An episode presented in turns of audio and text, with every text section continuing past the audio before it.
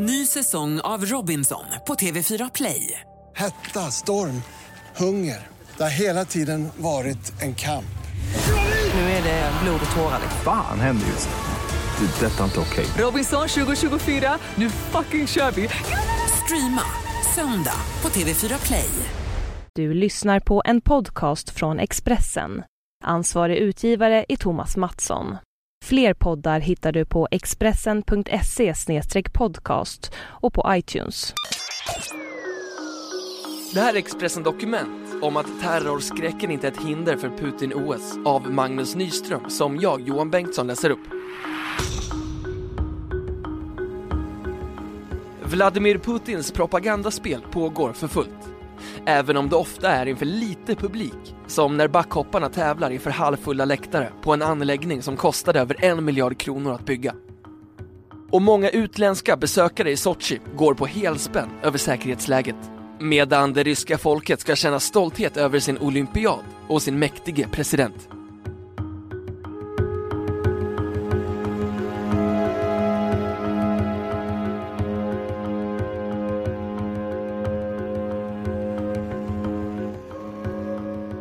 Verkligheten blev det fel under den pampiga OS-invigningen när de fem olympiska ringarna skulle tändas och en av ringarna endast blev en snöflinga.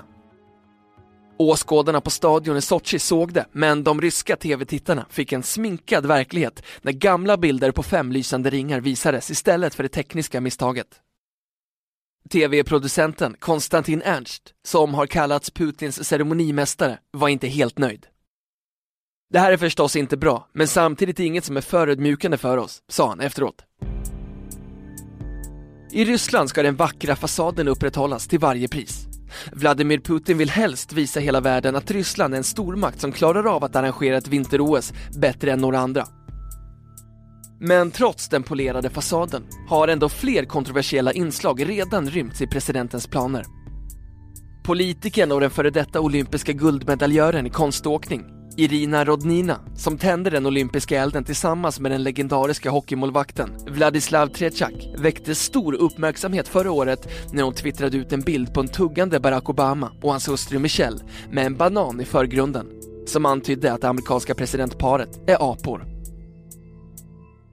Irina Rodnina tog senare bort bilden från Twitter men vägrade be om ursäkt och svarade på kritiken med orden “yttrandefrihet är yttrandefrihet” På en buss från Sochi till OS-anläggningarna sitter en ung kvinna i samma färgglada kläder som all personal och volontärer bär under spelen.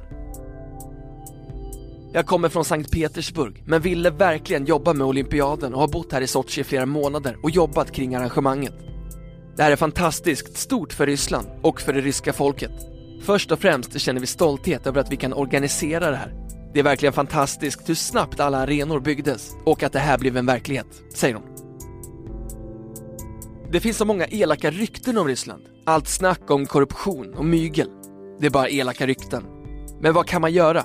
De som hatar oss fortsätter bara att hata. Men det är Putin som har gjort den här festen möjlig, säger hon. Kvinnan säger ingenting om skvallret kring Putin. Det ryktas att den nyskilde presidenten haft en romans med förre elitgymnasten Alina Gabaeva som också deltog under invigningen som en av de sista som bar OS-facklan. Å andra sidan kanske kvinnan på bussen inte tycker att det är något märkvärdigt.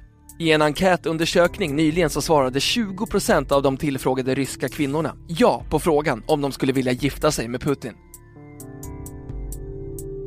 På frågan om det är något kring OS som det finns skäl att vara missnöjd över svarar kvinnan på bussen. Kläderna. De här färgglada kläderna som vi måste ha. Först tyckte jag att det var snyggt, nu är jag trött på det. När OS är slut ska jag bara klä mig i svart och vitt, säger hon som avslutningsvis får frågan om vad hon heter. Då dämpas hennes entusiasm. Förlåt, men det får jag inte säga. Det är strängt förbjudet för oss som jobbar med OS att svara på frågor från journalister. Under invigningen var uppslutningen på hedersläktaren inte vad Putin hade hoppats på. Få av världens ledare hade lust att komma till Ryssland på grund av såväl den omstridda anti-gay-lagen som säkerhetsläget.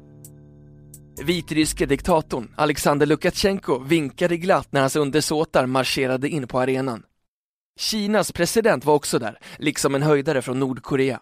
trots att det landet inte har någon deltagare i detta OS. De ryska fansen på stadion jublar då till mesta. Lika fullsatt och festligt ska det bli på alla vackra, glittrande arenor under det olympiska spelet, är det tänkt i alla fall. Men enligt uppgifter som är omöjligt att få bekräftade så har biljettförsäljningen gått dåligt, förutom till de mest eftertraktade tävlingarna.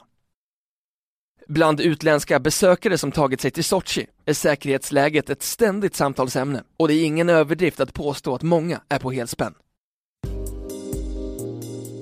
En som vill tona ner läget är sportchefen Peter Reinebo från Sveriges olympiska kommitté.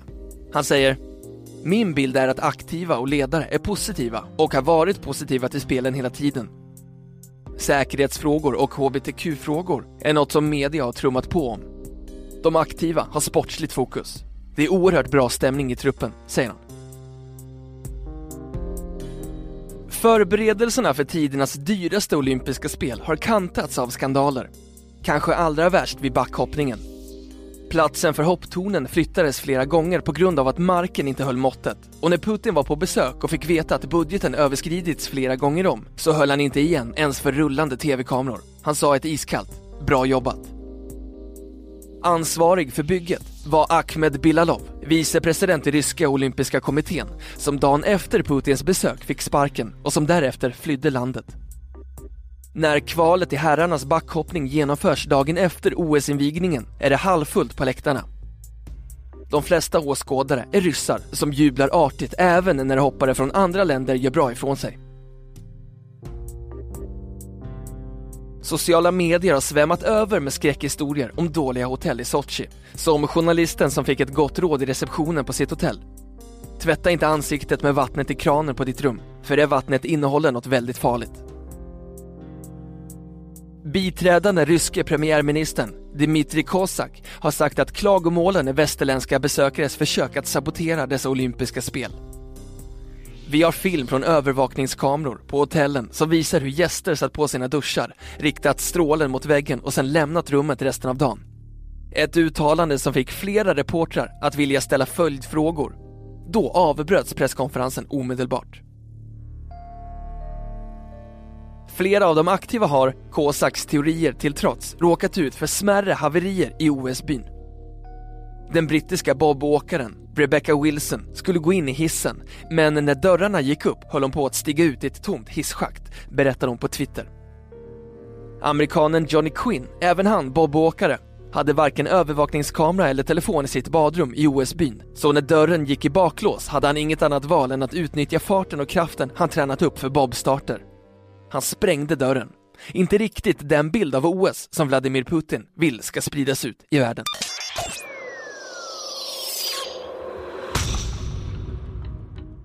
Du har lyssnat på en podcast från Expressen.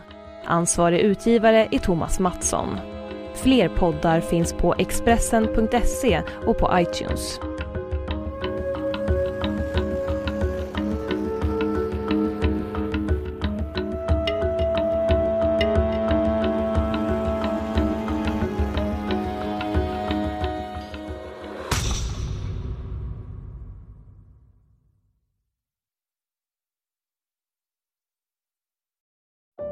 Säsong av Robinson på TV4 Play.